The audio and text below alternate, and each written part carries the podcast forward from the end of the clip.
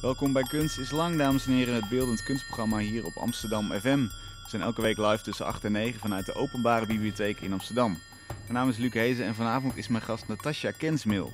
Zij is uh, tekenares en schilderes en ze maakt grillige zwart-wit tekeningen en schilderijen, vaak in vele lagen over elkaar. Uh, we zien duistere onderwerpen uit religie of uit geschiedenis. Uh, getekend eigenlijk alsof er een soort van koortsvisioenen op je afkomen. Wil je hier nou een indruk van krijgen? Ga dan even naar mrmotley.nl. Amsterdam. Natasja, welkom. Dat, dat duisteren, ik zet even de microfoon iets dichter bij je. Dat duisteren, daar, daar ontkom je bijna niet aan in, in, jouw werk. Hè? Word je daar moe van dat het vaak genoemd wordt of uh, snap je het wel?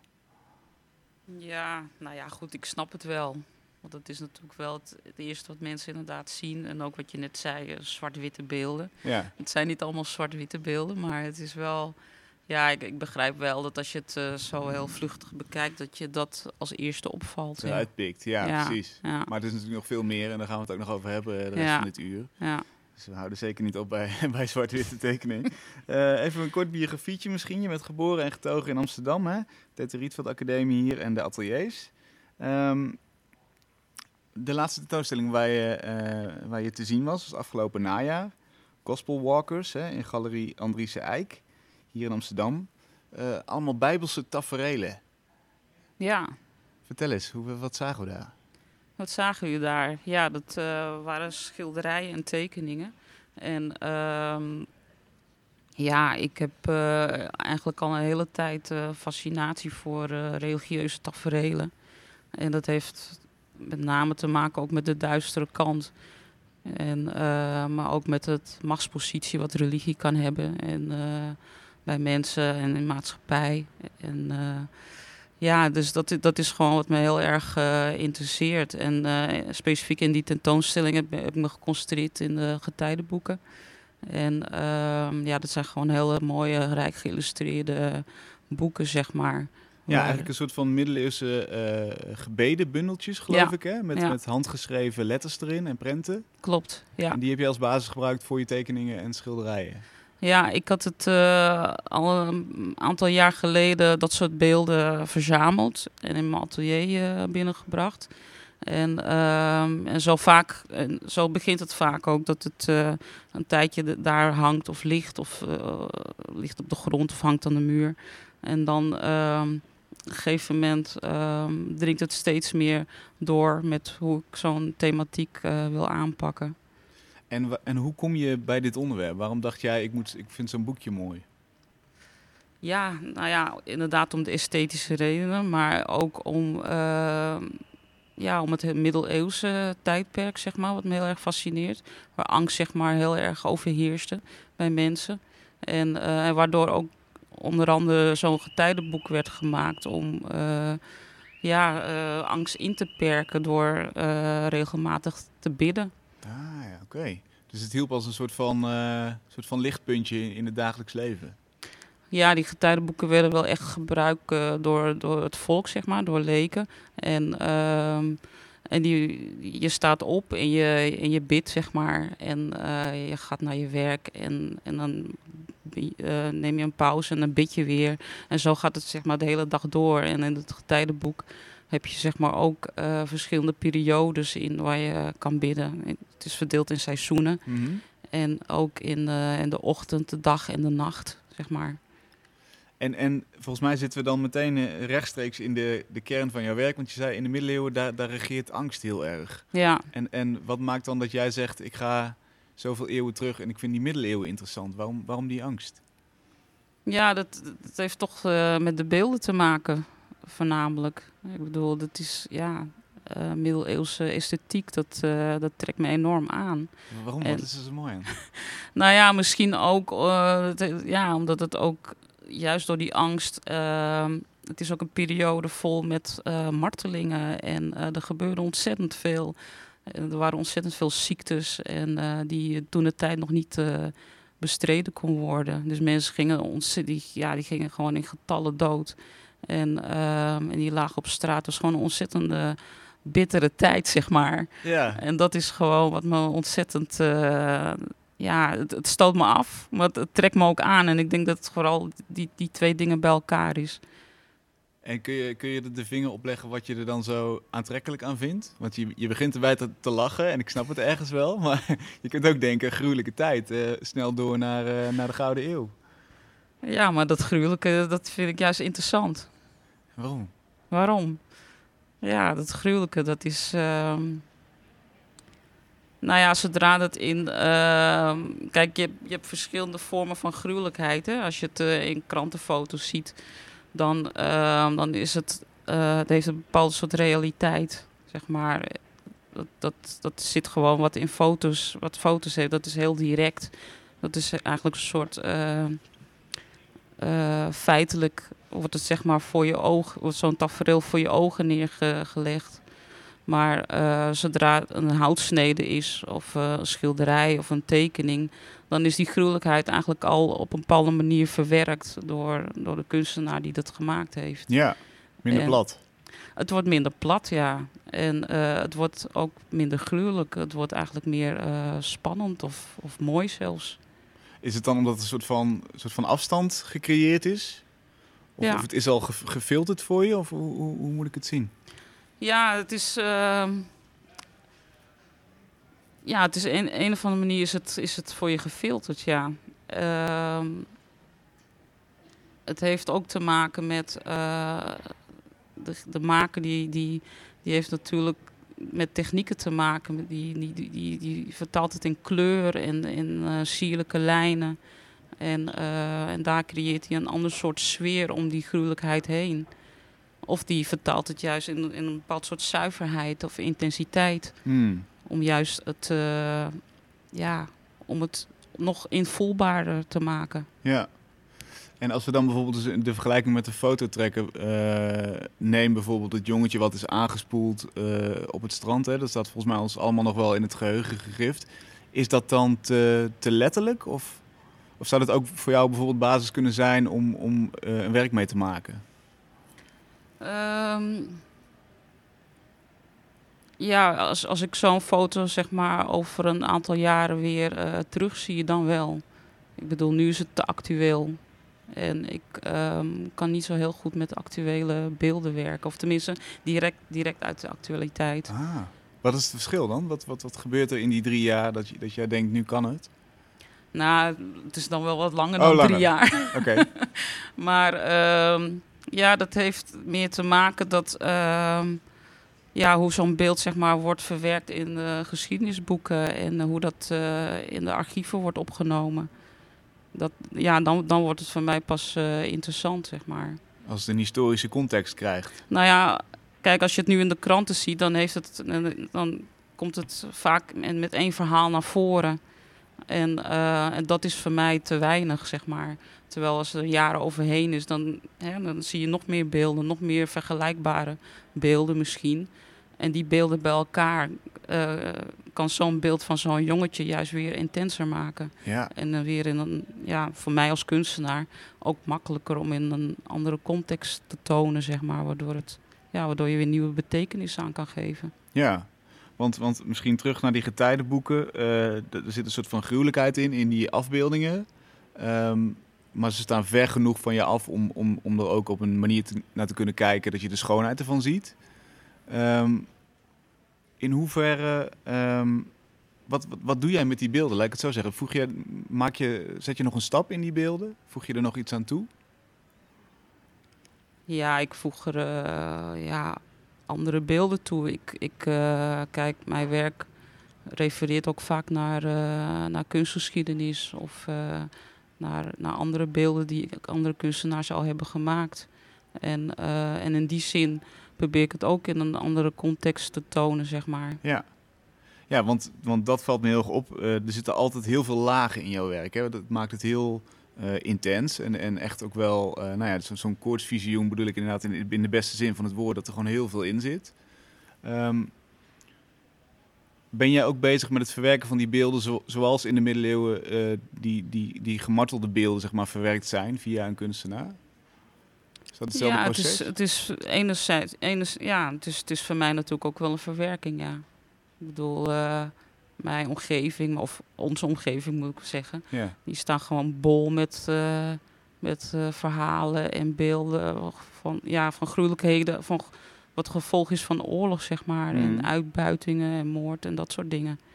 Ik bedoel, je zet de tv aan en het, eh, het komt meteen al op je af. Ja. Dus in die zin is het voor mij ook inderdaad verwerking. Maar het is niet alleen verwerking. Het is ook, ja, ik, ik, zie- ik probeer een bepaald soort schoonheid eh, in, te, in te brengen. Hoe gruwelijk het ook is. Hoe gruwelijk het ook is, ja. Want het is, ja, je staat er wel middenin. Ik bedoel, ja, Dus je moet er iets mee eigenlijk. ja. Ik bedoel, het, het is verwerken, maar het is niet alleen in de, in de platte zin verwerken van nou dan is het uit mijn hoofd, maar ook eh, hoe kunnen we er iets moois van maken of zo. Of, Ja, ik vind. ehm dat is misschien wel heel optimistisch gezegd, maar ja, ik, ik denk dat je dat met kunst en creativiteit dat je ellende van mensen wel eh, iets, iets moois kan maken. Ja, dat je, ja, je kan van pessimisme, van angst en, slecht, en slechtheid, kan je als schilder zeg maar omzetten in, in een soort van optimisme. ja. En dat heeft echt te maken met eh, omdat dat je in feitelijkheid een, een schilderij van maakt of een, of een tekening. En kun je daar dan de, de vinger op leggen wat er precies gebeurt? Want, want eh, laat je bepaalde details weg die, die, het, die het gruwelijk maken? Of eh, wat komt er in naar voren zodat het voor ons te verteren wordt eigenlijk? Of dat, dat wij gaan denken van hé, hey, die gruwelijkheid is heel mooi. Hoe doe je dat? Hoe doe je dat? Ja, ehm, ja ik, kan, ik kan natuurlijk een heel technisch verhaal vertellen over hoe ik schilder. ja, of, ja, eh, want ik weet niet wat te je wil. maken. Nou, misschien nou, wel, ja, ja. ja, nou ja, goed. ehm, als ik een beeld, als ik op een gegeven moment een beeld eh, kies om te tekenen of te schilderen, dan ehm, ja, dat gebeurt vaak eigenlijk heel intuïtief. En, ehm, en tijdens het schilderen en tekenen, dan eh, verdwijnt dat beeld ook heel vaak. Ik schilder het ook heel vaak weg of ik gum het weg. Mhm. En ik eh, haal andere beelden erbij en, en dat, dat teken ik eroverheen. En, ehm, maar het is, het is nooit compleet weg. Het blijft altijd, eh, er blijven altijd wat sporen achter, zeg maar, van hoe ik begonnen ben. En dat is dat je een soort van opstapeling krijgt van, van beelden. En ehm, ja, waardoor de toeschouwer, zeg maar, eh, je ziet zeg maar een eerste laag beeld. Mhm. Maar als je het langer kijkt, ontvouwt het zich en zie je eigenlijk, eh, eigenlijk een oude tekening eronder liggen. Dus een soort, ja, een soort beeld wat verborgen is, ligt onder het eh, nieuwe beeld wat er bovenop ligt. En ehm, hoe haal je bijvoorbeeld de essentie uit zo'n gruwelijke scène? Kun je dat, is, is dat uit te leggen, zeg maar? Waar, waar, waar zoek je dan naar? Ehm, ja, door eh, de essentie, ja, door er heel erg eh, in op te gaan, denk ik. Ik ehm, denk dat schilder wel heel erg te maken heeft eh, met, met zinnelijk genot. En als schilder moet je wel heel, ja, kan ik gewoon wel heel extreem daarin in, in, in doorgaan, zeg maar, om, om dat te kunnen treffen. En, en hoe moet ik me dat voorstellen? Want je staat in je atelier, je, je hebt een soort van muur met tekeningen om je heen of met afbeeldingen. Die moeten allemaal, gaan die een soort van plek krijgen. Ja. Eh, hoe, hoe ga je daarin op? Hoe leef je daarin in? Ja, door. ehm, ja, dat is gewoon een langdurig proces eigenlijk. Be- maar bekijk je ze heel goed? Of ga je ze, ga je ze bij wijze van spreken naspelen? Of ga je voor de spiegel staan en je, je, je wordt die, die pose? Dat zou ik me allemaal kunnen voorstellen. Ja, Of, of hoe, doe, hoe doe jij dat? hoe doe ik dat? Ik, ehm, ja, ik probeer het gewoon eh, zo mooi mogelijk te schilderen en te tekenen. Ah ja. En ehm, kijk, als je bijvoorbeeld een, een, een afgehakte hoofd ziet, dat is in eerste instantie heel gruwelijk om naar te kijken. Ja. hè, als het een foto is. Maar eh, zodra, ja, zodra ik daar eh, een schilderij van probeer te maken, dan probeer ik het enerzijds eh, wel realistisch te houden, maar anderzijds wil, ja, probeer ik ook een soort vrijheid op te roepen. Om om te gaan met, met lijn en vorm en kleur. En ehm, nou ja, waardoor je een soort van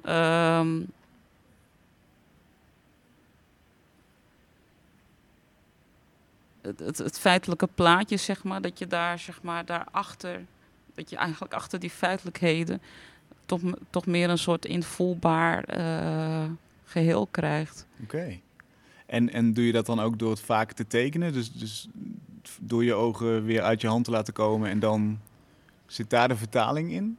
Ja, het is, het is, eh, het is, het is herhaaldelijk eh, tekenen, wegschilderen of en opnieuw het beeld weer oproepen en dan weer wegschilderen. En ehm, op een gegeven moment schilder je totaal wat anders.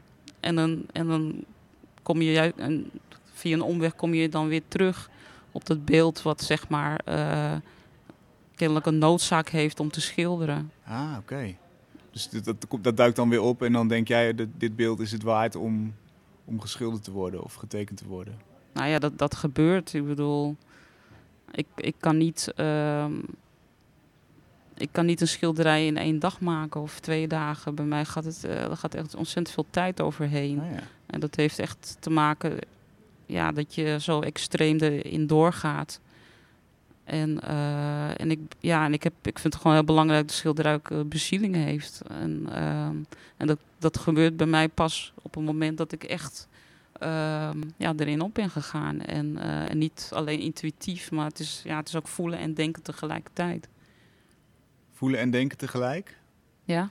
Hoe, hoe, eh, dus, dus denken snap ik qua, qua compositie en qua eh, analyse van een beeld. En hoe, hoe, op welke manier voelen? Nou ja, het is voelen en denken tegelijkertijd, omdat je ehm, enerzijds het schilderen is heel erg dat fysieke, hè? Mhm. En eh, het in twijfel brengen, het feitelijke plaatje eh, in twijfel brengen. Dus dat je het, eh, het proces van het schilderen heel erg laat zien. Maar, en het denken is ja, dat je ondertussen ook blijft onderzoeken naar het thema waar, waarmee je mee bezig bent, Ah, zeg maar. ja. Dus dat je steeds meer daarover gaat lezen en je erin gaat verdiepen. En, ehm, en dat, dat, dat moet, moet dan samenkomen in, in één in, ja, intensief beeld. ja. En wat is dan het moment dat je denkt dat is gelukt?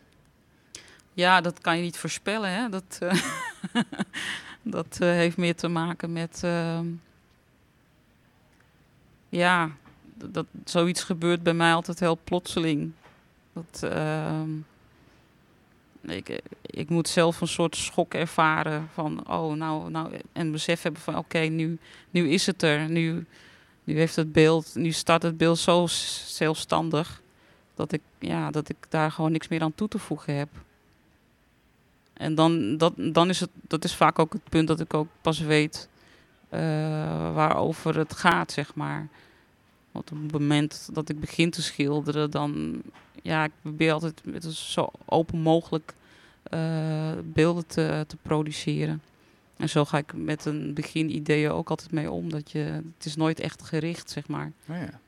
Geen vooropgezet plan waar je van A naar B werkt. Nee, want dan, dan is het gewoon geheid te mislukken. Ja? Dus heb- Ja. Dat heb je wel ervaren ook? Ja, en, en mislukken is natuurlijk ook heel erg nodig. eh, Met schilderen en tekenen. Het is eigenlijk eindeloos mislukken. Ja, Maar je gaat gewoon door tot het op een gegeven moment wel lukt. tot het wel lukt. Ja, En dat is een mooi moment, denk ik. dat is een mooi moment voor even, ja. Hoef je voor even. Nou ja, op een gegeven moment dan eh, moet je weer verder. Maar dat is toch voor de eeuwigheid dan? Dat, dat doek is gewoon klaar. Die gaat een museum in of naar een koper en eh, champagne open. toch? Ja, kijk, als, dat je als kunstenaar een schilderij goed vindt, dat is één ding. Maar als het schilderij zeg maar naar buiten, buiten het atelier treedt, dat is natuurlijk weer wat anders. Ah, Oké, dus het is echt nog maar afwachten of die het overleeft in de, in de buitenwereld. Ja, ook dat, ja. Waar hangt het dan vanaf?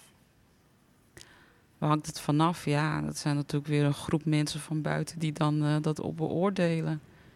Die, die, eh, die toetsen dat op kwaliteit. Ja, En door tijd ook. Ik bedoel, tijd is natuurlijk ook een belangrijke factor daarin. ja. Is er nou, ehm, wat jou betreft, iets veranderd op het moment dat zo'n doek af is? Eh, verandert dan jouw houding ten opzichte van de oorspronkelijke afbeeldingen die erin zitten? Kijk je daar dan anders naar als de schilderij helemaal af is?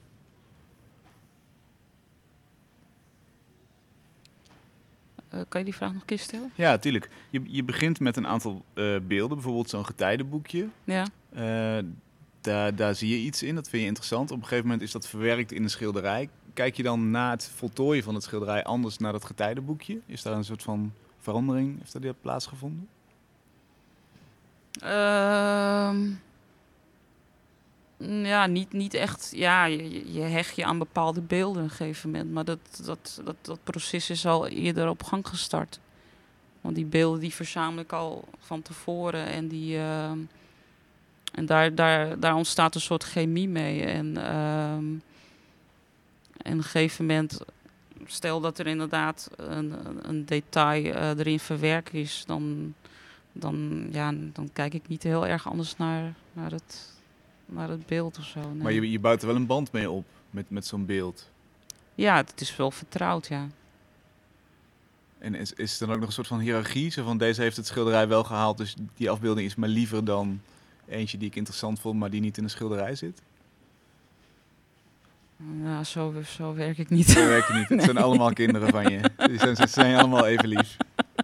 nou ja, dat ook weer niet. Oké, dat ook niet. Hey Natasja, we gaan even naar muziek luisteren. Want eh, ik vraag altijd of je eh, muziek wil meenemen. En eh, jij had een hele spannende, namelijk de Dead Kennedys. De Dead Kennedys waren dat met Well Paid Scientist. Je luistert naar Kunst is Lang, vanavond met schilderes en tekenaar Natasja Kensmil. Eh Natasja, waarom dit nummer? Dat Kennedy's, ja, dat, ehm, ja, omdat het gewoon een ontzettend goed nummer is. nee, ik. ehm Dead, Dead, Dead Kennedys is, eh, een Amerikaanse punkband. En ehm, ehm, ja, ik bewonder die band omdat het. Ja, ze hebben natuurlijk een fantastische zanger, Yellow Biafra. Die ehm, ja, best wel een bijzondere stem heeft, vind ik. Voor een, eh, voor een punkzanger. En ehm, nou ja, los daarvan eh, schreef hij de teksten voor de Dead Kennedys. En die, eh, ja, die me enorm aansprak, zeg maar. En ja, dat heeft... eh, deels heeft het te maken omdat het van die hele grappige eh, teksten zijn. Maar ze zijn ook heel erg bijtend, sarcastisch. Hmm. En, ehm, en heel erg eh, politiek gericht ook. En eh, dit nummer specifiek, zit daar een zin in? Of, of tekst waarvan je denkt, dat vind ik, eh, dat is lekker? Dat is lekker. Ja? lekker zo bijtend, lekker... nou ja, het is... Oh, de microfoon staat nu harder of niet? Ja, dat weet ik niet. Oké. Nou, het is gewoon als je als je het, het hele, als je, dit- als je de hele tekst leest van het, van het nummer, is gewoon heel, ja, heel grappig. Het gaat gewoon over iemand die, die gevangen zit, zeg maar, in zijn rol, in zijn werk, zeg maar, en in, in de maatschappij. En eh, die moet presteren. En, eh, en die ook naar zijn collega's een bepaalde rol moet hebben. Maar, en ja, en die zich gewoon niet kan bevrijden daarvan. En ehm, ja, en, daar, en, daar is, en dat benadert Jelle Biraffe dan op een heel ja, grappige, bijtende manier. Is dit, is dit iets wat eh, relatie heeft met jouw werk? Zou je dit, luister je dit in je atelier? Eh, werkt dit door in wat je maakt? Ehm, ja, nou ja, misschien eh, vroeger wat meer dan nu. Maar omdat ik vroeger, nou ja, vroeger, dat is zo tien jaar geleden ongeveer, toen maakte ik grote houtskooltekeningen. En, ehm, en toen maakte ik er een stuk of vijf of zes, eh, soms op een dag. En dat had heel erg te maken met een bepaald soort energie die ik voelde. En, eh, en wat ook heel erg te maken had met ja, hoe ik me verhouden tegen de, tegenover een maatschappij en een samenleving. En dat ik daar eigenlijk best wel eh, kwaad over was. Oh ja? Ja, dat, ja. Waarover? Noem eens een paar Nou ja, over consumptiezucht en nou ja, het verdringen van vrijheid en eh, nou ja, commercials en eh, nou ja, dat je bepaalde, nou ja, dat je zelf niet kan de vrijheid voelt voor seksualiteit en nou ja, dat soort, dat soort eh, aspecten. Echt wel punkthema's ook. Ja, toch wel, ja. Dus, ja, oké. En, en hoe... ehm, ik kan het niet direct relateren aan, het, aan de onderwerpen die je nu kiest. Klopt dat? Voor je, voor je schilderijen en tekeningen? Nee, die... ehm, Hoeft ook niet natuurlijk, maar... Nou ja, dat is wat indirecter, denk ik. Ik bedoel, ehm, ja, dat is, dat is wat indirecter. Ja. Het, is, het is er nog wel, maar het is, ehm, ja, op een gegeven moment word je ook wat ouder. je bent, je bent eh, afgekoeld. ja, je kan niet eeuwig eh, kwaad blijven, inderdaad. nee. Nee, maar ik. ehm, nee, het is, nog, het is nog wel dat ik eh, heel erg nog eh, kritisch kijk naar, naar, naar mijn omgeving. Ja, en als je ziet hoe het. ja, hoe sommige politici zeg maar hunzelf verwoorden en eigenlijk dat het alleen maar om het macht van, de woord, van het woord gaat en Mhm. eigenlijk niet zo om daadkracht. Ja, dan, dan denk ik van ja, dat, eh, dat is toch wel een, echt een gebrek. Ja, dat zit ook bijvoorbeeld in een van jouw eerdere tentoonstellingen of serie, series werken, Crying Light bijvoorbeeld. Hè? Dat ging over, over eh, monarchen, over koninginnen uit Europa. Eh, dat zat, als ik me niet vergis, ook een beetje die lading in van een soort van hypocrisie van het koningschap. Klopt ja, dat? ja, Kun je eens ja, uitleggen wie, dat het ging over Elisabeth I, geloof ik, hè? ja. Wat, wat trok je daar zo in aan? Nou, Elisabeth I, dat, dat me heel, ja, haar verschijning van macht, hè, heel erg.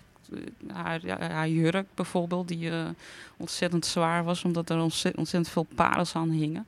En, Welke eh, tijd is dit ongeveer? Misschien voor mensen die het niet helemaal op hun netvlies hebben. ja. Waaronder ik. grote, grote jurk met parels. Nou ja, het, zij had ontzettende enorme pruik en altijd wit geschminkt en enorme jurk aan. Een soort, ja, een soort, soort bruidsjurk. En, en dat had heel erg te maken op hoe iemand zich ja, presenteert als, als machtshebber. Ja, En dat is eh, wat machtshebbers natuurlijk sowieso hebben. Die stralen ontzettend veel trots uit. En die moeten er goed uitzien. Juist om, om, het, eh, om het volk, zeg maar, enigszins te behagen. Maar ook om te laten zien dat zij de baas zijn. ja. En dat fascineert me enorm. Dat, eh, dat gegeven, of tenminste de traditie van, eh, van het vertonen van macht. En, en waarom dan? Want, want is het, eh, wil je dat ontmaskeren of, of wat trek je daar zo in aan?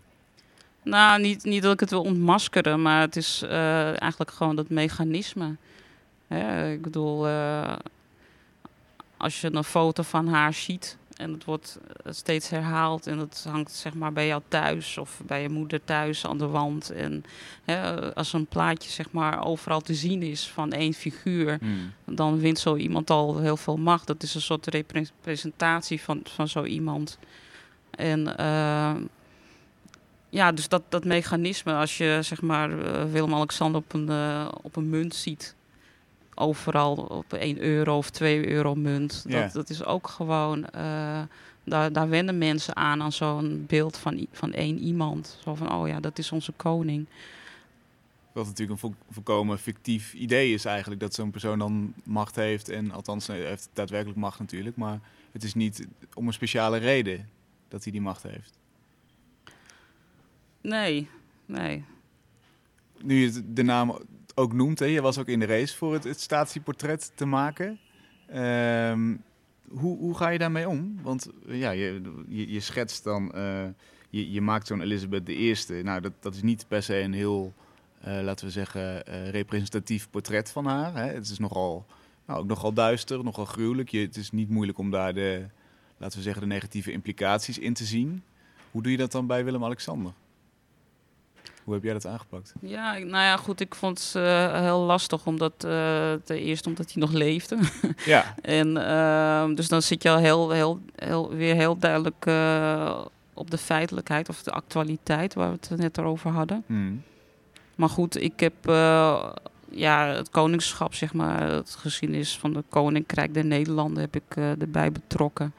En ehm, ja, en dan eh, als je je steeds meer verdiept in de koningen voor hem, eh, dat, ja, dat zijn ook best wel, wel spannende verhalen. En als je dat, en dat gebruik ik dan zeg maar om zo'n portret ja, meer zin te geven, zeg maar. Mhm. Kun je daar eens een voorbeeld van- geven, van zo'n verhaal? van zo'n verhaal, ja, kijk, nou, je hebt bijvoorbeeld Willem III, geloof ik. Die, ja, dat was zo'n koning die, zeg maar, niet echt... ja, dit was niet echt een geliefde koning. Of die, die, die kon zijn rol niet echt eh, goed eh, vervullen. Mhm. En ehm, ja, dus dat, dat, dat- vind ik dan al meteen heel spannend om dat ook eh, te verwerken in, die, in de tekeningen. En hoe is hij teruggekomen? Hoe die terug is gekomen. Hoe bedoel je? Hoe zien we hem in de tekening? Ja, ik ga hem niet letterlijk als een mislukkeling tekenen. Dat, dat- of bedoel of, Ja, maar, maar hoe, hoe heb jij hem getransformeerd en, en in de tekening ge- Nou ja, ge- ik heb hem verwerkt in het portret van, van Willem-Alexander ook. Want daar hebben we het nu toch over, Ja, over het portret van, eh, van Willem-Alexander.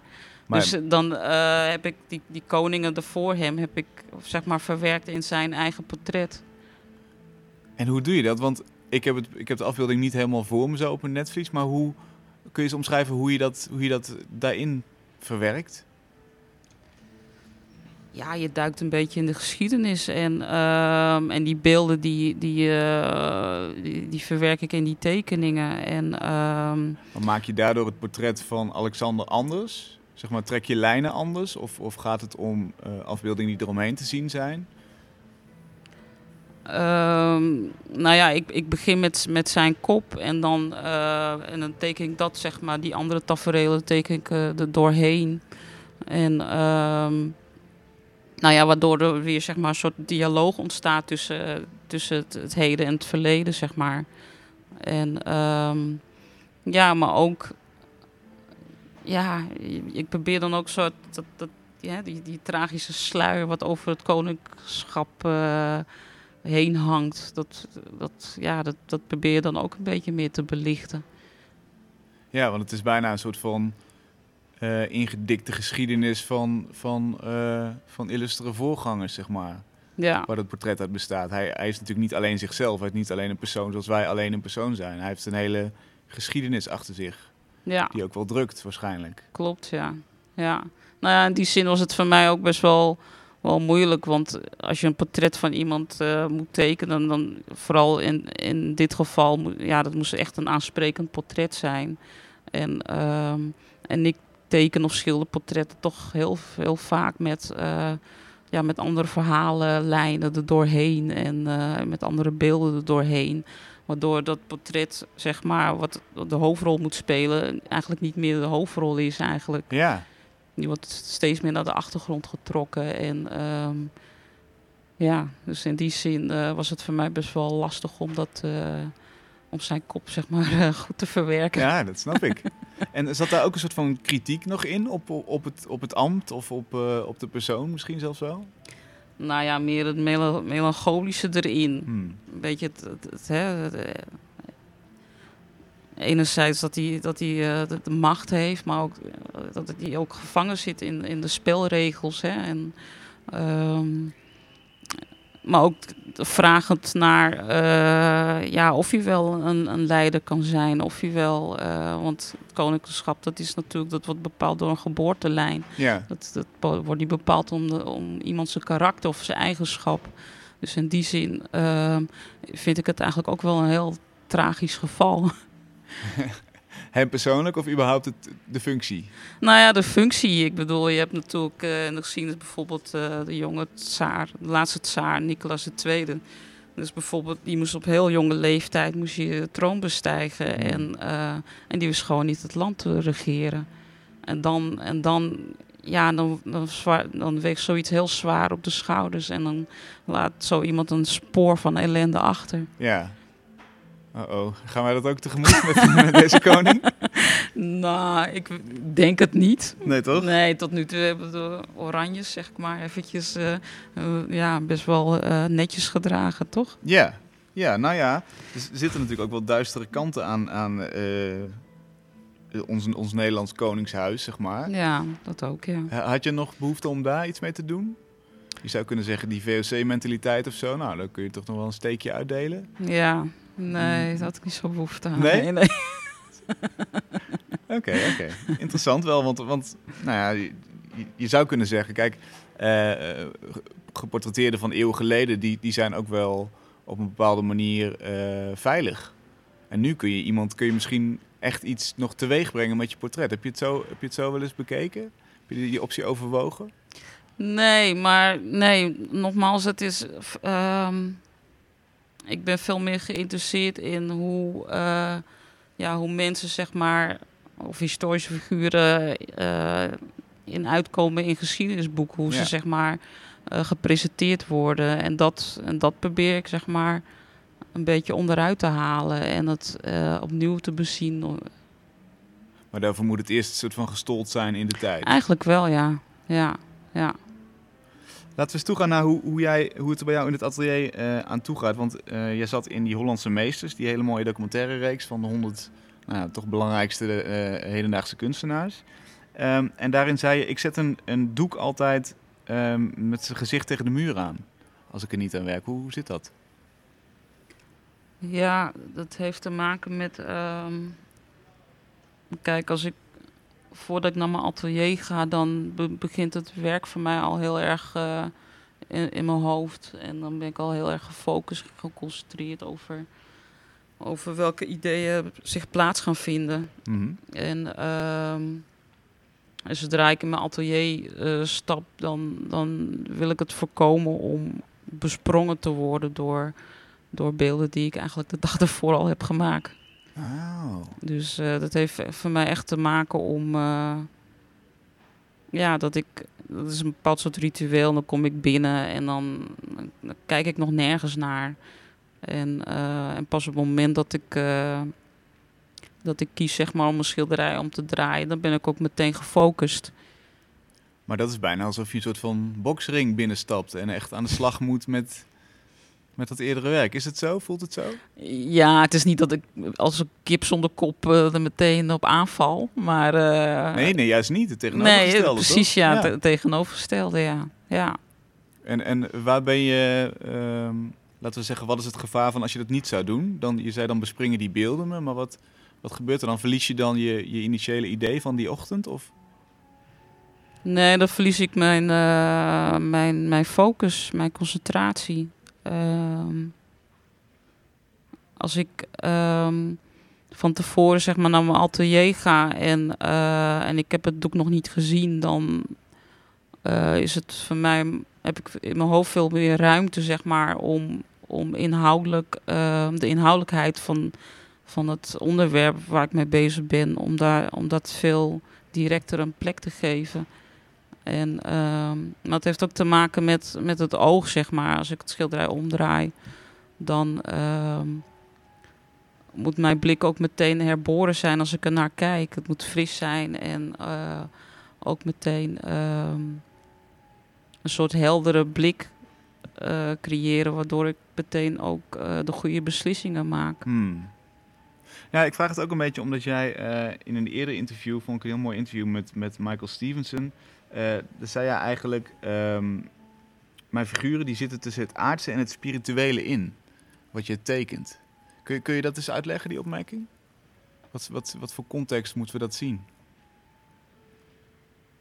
Ja, het is meer een, een dualiteit tussen het aardse en het onaardse. Het is ehm, het, het, eh, het feitelijke en het onfeitelijke eigenlijk. En ehm, ja, die dualiteit, dat vind ik gewoon heel, heel fascinerend. En het feitelijke en het niet feitelijke, kun je dat nog eens wat toelichten? Nou ja, dat is, de, op, op, dat is het gebied waar je zeg maar eh, nieuwe betekenis eh, kan geven. En ehm, dat is het, het moment dat ik kan experimenteren en kan spelen met verschillende verhaallijnen en beelden. En ehm, ja, waardoor ik zeg maar eh, het herkou en weer tot een nieuw beeld kan komen of tot een nieuw, eh, tot een nieuw, nieuw Nieuw verhaal. samenhang, Of ja. nieuw samenhang. Want dat is, dat is een beetje waar je naar op zoek bent. Hè? Je, je absorbeert die eh, tekeningen, je, je, je maakt ze. En, en op den duur is het, begint het af te raken en dan komt er een soort van samenhang in. Ja. Ja. En eh, dan staat er ook ehm, spirituele geesten jagen en spoken door mijn hoofd. En zijn dat die beelden die een soort van samenhang zoeken? Of moet ik dat lezen? Ehm, ja, dat heeft ook met, eh, met eh, herinneringen te maken. Ehm, kijk, als je in je atelier bent, dan... ehm, ja, dat is echt een plek waar je zeg maar in beslotenheid en in concentratie kan werken. Maar dat, dat heeft ook te maken dat je ook besprongen wordt door allerlei gedachten en herinneringen. En, En dat zijn mijn persoonlijke herinneringen, maar het zijn ook natuurlijk beelden die eh, van televisie of van, van buiten of eh, van, van kranten. En ehm, ja, en dat, en dat is wat, wat het onrustig maakt in mijn hoofd, zeg Ja. maar. Die, dat, dat moet allemaal een soort van eh, plek krijgen. En is het dan aan jou om sommige ideeën weer weg te duwen en sommige te omarmen om ze te gebruiken? Of, of hoe, hoe, hoe- wat gebeurt er in jouw hoofd op zo'n moment?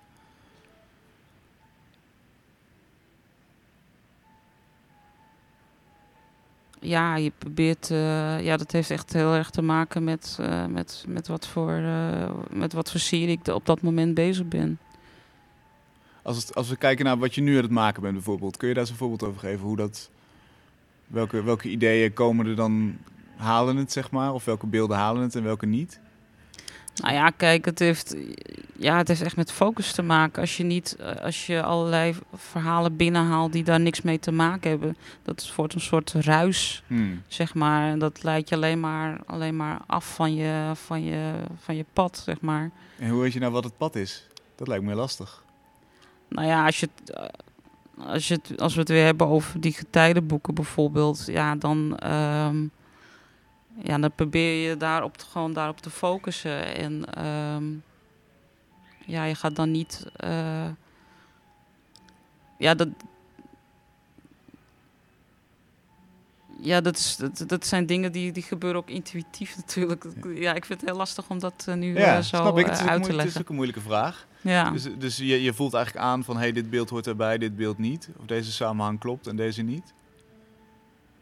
Ja, dat, dat- heeft echt. eh,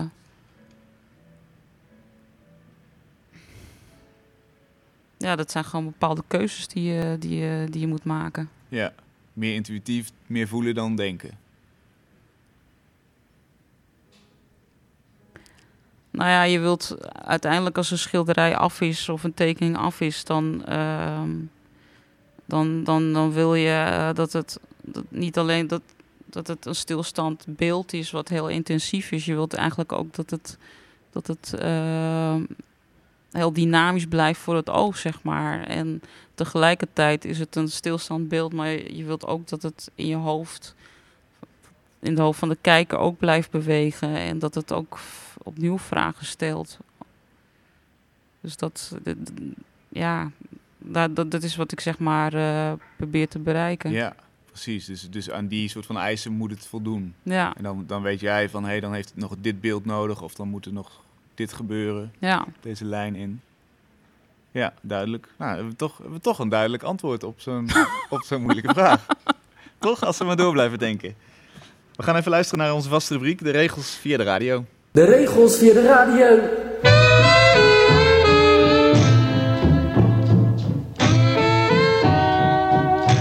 De regels van de radio, radiowerk 13. Dit werk gaat over het simpele dier. Een dier dat zo organisch is als zijn lijnen. Pak hiervoor een stuk papier van 180 tot 220 gram in een roomwitte kleur. Een potje oranje ecoline of oranje acryl met een ruime hoeveelheid water. Een lekkere kwast en een zwarte pen. Ga zitten met het papier voor je neus en begin te swingen. Te zweven. Maak ronde bewegingen met je bovenlichaam.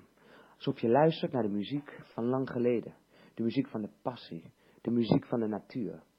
In deze sfeer begin je te tekenen. Het dier, dat voel je vanzelf.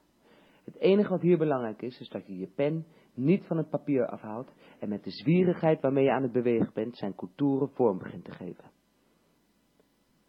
Ga door. Ga door. Ga door totdat je vindt dat deze enkele lijn een dier zo krachtig heeft neergezet dat jij het wel zou willen zijn. Sterker nog, je bent het. Pak nu de kwast en doop hem in de ecoline of in de acryl en dan het water en begin jezelf in te kleuren. Doe dat als een kleuter. Let niet op de lijntjes, let alleen maar op het geheel. Stop. Dank u wel. Ja, dat waren de regels via de radio. Het eh, eh, vaste rubriekje van Kunst is Lang, wekelijks interviewprogramma over hedendaagse beeldende kunst. In samenwerking met online tijdschrift Mr. Motley. En wat je net hoorde is gemaakt door anonieme Amsterdamse kunstenaars. Heb je daar iets mee gedaan, mail dan je foto of je ervaring naar heske.mrmotley.nl. Eh, vanavond is Natasja Kensmil mijn gast. Ehm, en ik ben heel benieuwd, Natasja, waar je op dit moment mee bezig bent. Ik ben bezig met, met de plafondschildering. En dat is een groot project. Ja, dat is een groot project. Ja. Wel. Ja.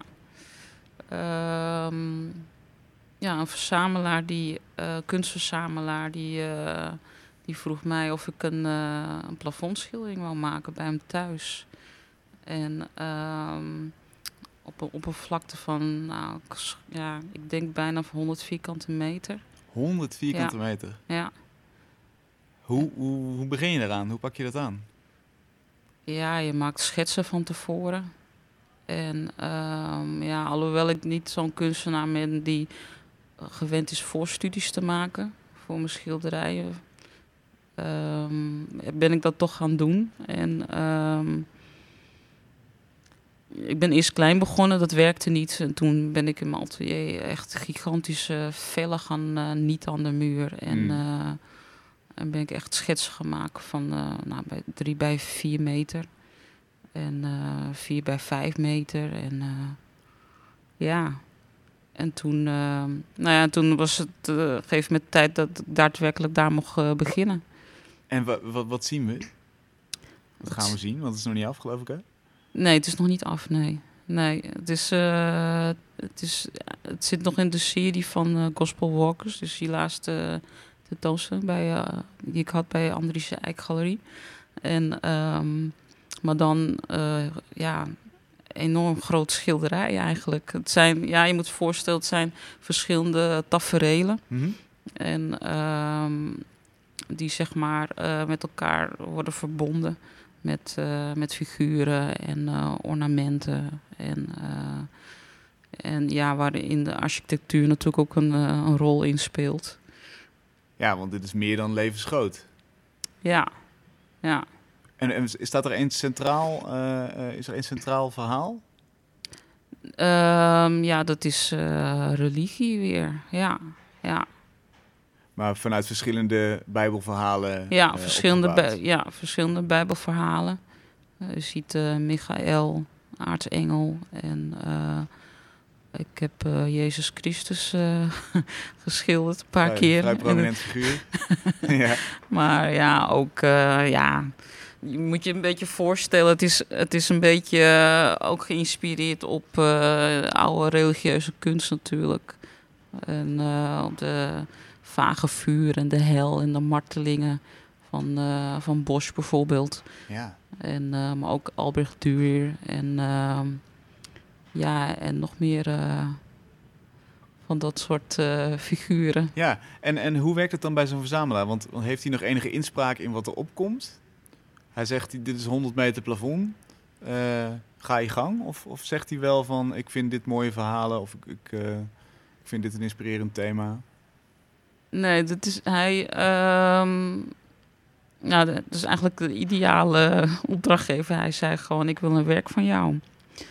Dus eh, dat, dat was het eigenlijk. Te gek. Ja. Maar ook beangstigend lijkt me 100 vierkante meter. Eh, nou ja, op zich, kijk, eh, ik- ben nog op zich wel gewend om vrij grote doeken te schilderen. En, en ik vind dat fysiek schilderen vind ik ook echt, ja, vind ik echt gewoon fantastisch om te doen. En enerzijds was het wel beangstigend, want het is 9 meter hoog. Dus ik, ehm, ja, ik moest met een hoogwerk, ik moet met een hoogwerker werken, die zo hoog komt. En dat, dat was vooral beangstigend eigenlijk. Dat ik toch ontdekte dat ik eh, last had van hoogtevrees en dat soort dingen. nee, dat meen je niet. Ja. Hoe ver in dat project ontdekte je dat? De eerste week? Of? ja, de eerste week, ja. Ja. Ja, En hoe eh, ga je daarmee om? ja dat moet je overwinnen. Dat lukt ook wel. Nou ja, goed. Ja, op een gegeven moment moet je jezelf wel echt vermannen. Want anders ben je alleen maar bezig met, eh, met andere dingen. En dan ben je niet gefocust op het werk. Ja. Want op een gegeven moment, kijk, je hebt natuurlijk wel die schetsen, die heb ik gemaakt. Maar daar moet je ook van loskomen. Want uiteindelijk moet het een schildering worden, moet een ander werk worden. Hmm. Die schets is gewoon maar een, eh, een aftasting van het begin. ja. En hoe moeilijk is, is het om dat op zo'n groot plafond te doen? Verandert jouw werk daardoor? Ja. Krijg je een andere... ja, toch wel, ja. Ja. Hoe? ja, het. eh, nou, opvallend is dat het, eh, dat het toch wel meer helder wordt, het werk. En eh, dat heeft misschien puur te maken door, door de ruimte die ik daarvoor krijg. Ja. Ja, en de, of die ik heb dan op dat moment. En in welk opzicht helder?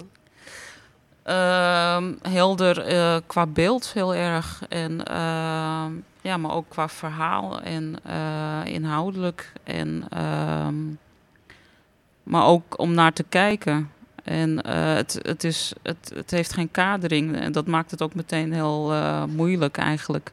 Want je kan gewoon maar door. Het schildering kan gewoon maar door blijven woekeren Ja. in de architectuur. Dus op een gegeven moment moet je zelf eh, een grens stellen van ja, ik schilder maar tot hier en niet verder. Ja. Want jij, essentieel in jouw werk zijn ook eigenlijk de verschillende lagen. En ik kan me voorstellen dat je hier niet, nou, 100 vierkante meter ga je niet eh, negen lagen over elkaar ja, aanbrengen, dat, dat moet je soms wel doen. Dat ga je wel doen ook, dat ben je nou ja, dat, dat, dat is soms wel nodig. Ja, om een, om een beeld goed te krijgen Ja. of bezield te krijgen, dan eh, heeft, dat, heeft dat het soms wel nodig, ja. Dus eigenlijk heb je, heb jij 900 vierkante meter straks beschilderd. dat gaat het wel worden. Nou ja, het is ook wel. In die zin is het ook meer helder, omdat je, je merkt ook wel dat je met, ja, veel directere keuzes maakt ook. In je beeldbepaling. Mhm. Geef eens een voorbeeld. Nou ja, met, eh, als ik in mijn atelier schilder aan een schilderij, dan. ehm, kijk, op een gegeven moment ben je gewoon gewend dat je het de hele tijd maar kan overschilderen. Als het beeld je niet bevalt, Ja. nou, dan schilder je het gewoon steeds weer over. Tot, en dan blijf je maar doorgaan tot het, eh, tot het beeld er is wat je voor ogen had. En dat was, eh, nou ja, tien jaar geleden had ik dan ook ontzettend dikke schilderijen daardoor. Mhm. Die waren echt heel stroperig en korrelig van structuur. En, en dan vroeg ik ook best wel, eiste ik best wel veel van de kijker om, om het beeld nog te kunnen herkennen in, in dat massa verf, zeg maar, wat er op de doek eh, zat. Ja. En ehm, op een gegeven moment eh, wou ik dat niet meer. Dus omdat het te veel een, een worsteling was geworden. En fysiek ook veel te zwaar. Dus ehm, ja, ik dwong mezelf om gewoon heldere keuzes van tevoren te maken. Want daar had het mee te maken. Het was eigenlijk een Daar had het mee te maken eigenlijk, ja. Dat je maar door bleef gaan. Ja, En die keuzes die moet je natuurlijk wel maken als je op zo'n mega schaal werkt. ja. ja, want je wilt natuurlijk ook niet eh, jarenlang bezig zijn. Hoe lang ben je nu bezig? Eh, drie kwart jaar. Drie kwart jaar. En, en is er een soort van einddatum? Ja, die was er wel, ja. Oh, die was er al. Oké. en, en nu? En nu, ja, het, eh, ja, je moet het de tijd gunnen. Hm. Want dan, dan kom je tot, eh, tot iets. Anders eh, ben je eigenlijk alleen maar met een deadline bezig. En dan, en dan, ja, dan heb je een afgeraffeld werk. Ja. En de, gelukkig is de, de, de verzamelaar in kwestie ook geduldig. Ja. Die is, die is wel bereid om jou eh, die tijd te geven. Ja. Ja, Hoe, is dit, gaat dit straks voor het publiek te zien zijn ook? Eh, dat is wel de bedoeling, ja, voor een kleine periode. Ja, oh ja, ja want die, die verzamelaar wil natuurlijk niet continu mensen over de vloer. Nee, Leuk. Nou, als, Nee, als zou ik het, ook niet eh, willen. Nee, dat snap ik ook. snap ik ook. Als het klaar is, laat het ons weten. Dan gaan we erheen, dan gaan we op de vloer liggen om, om daarvan te genieten. Dankjewel Natasja, het uur zit erop. Eh, dit was Kunst is Lang. Wil je nou thuis meer zien van Natasja, ga dan naar mrmotley.nl. Vind je artikelen en verwijzingen naar haar werk. En volgende week is hier te gast Zorro Feigl, de jonge kunstenaar die intrigerende, bewegende en speelse objecten maakt van bijvoorbeeld bouwmateriaal. Tot volgende week.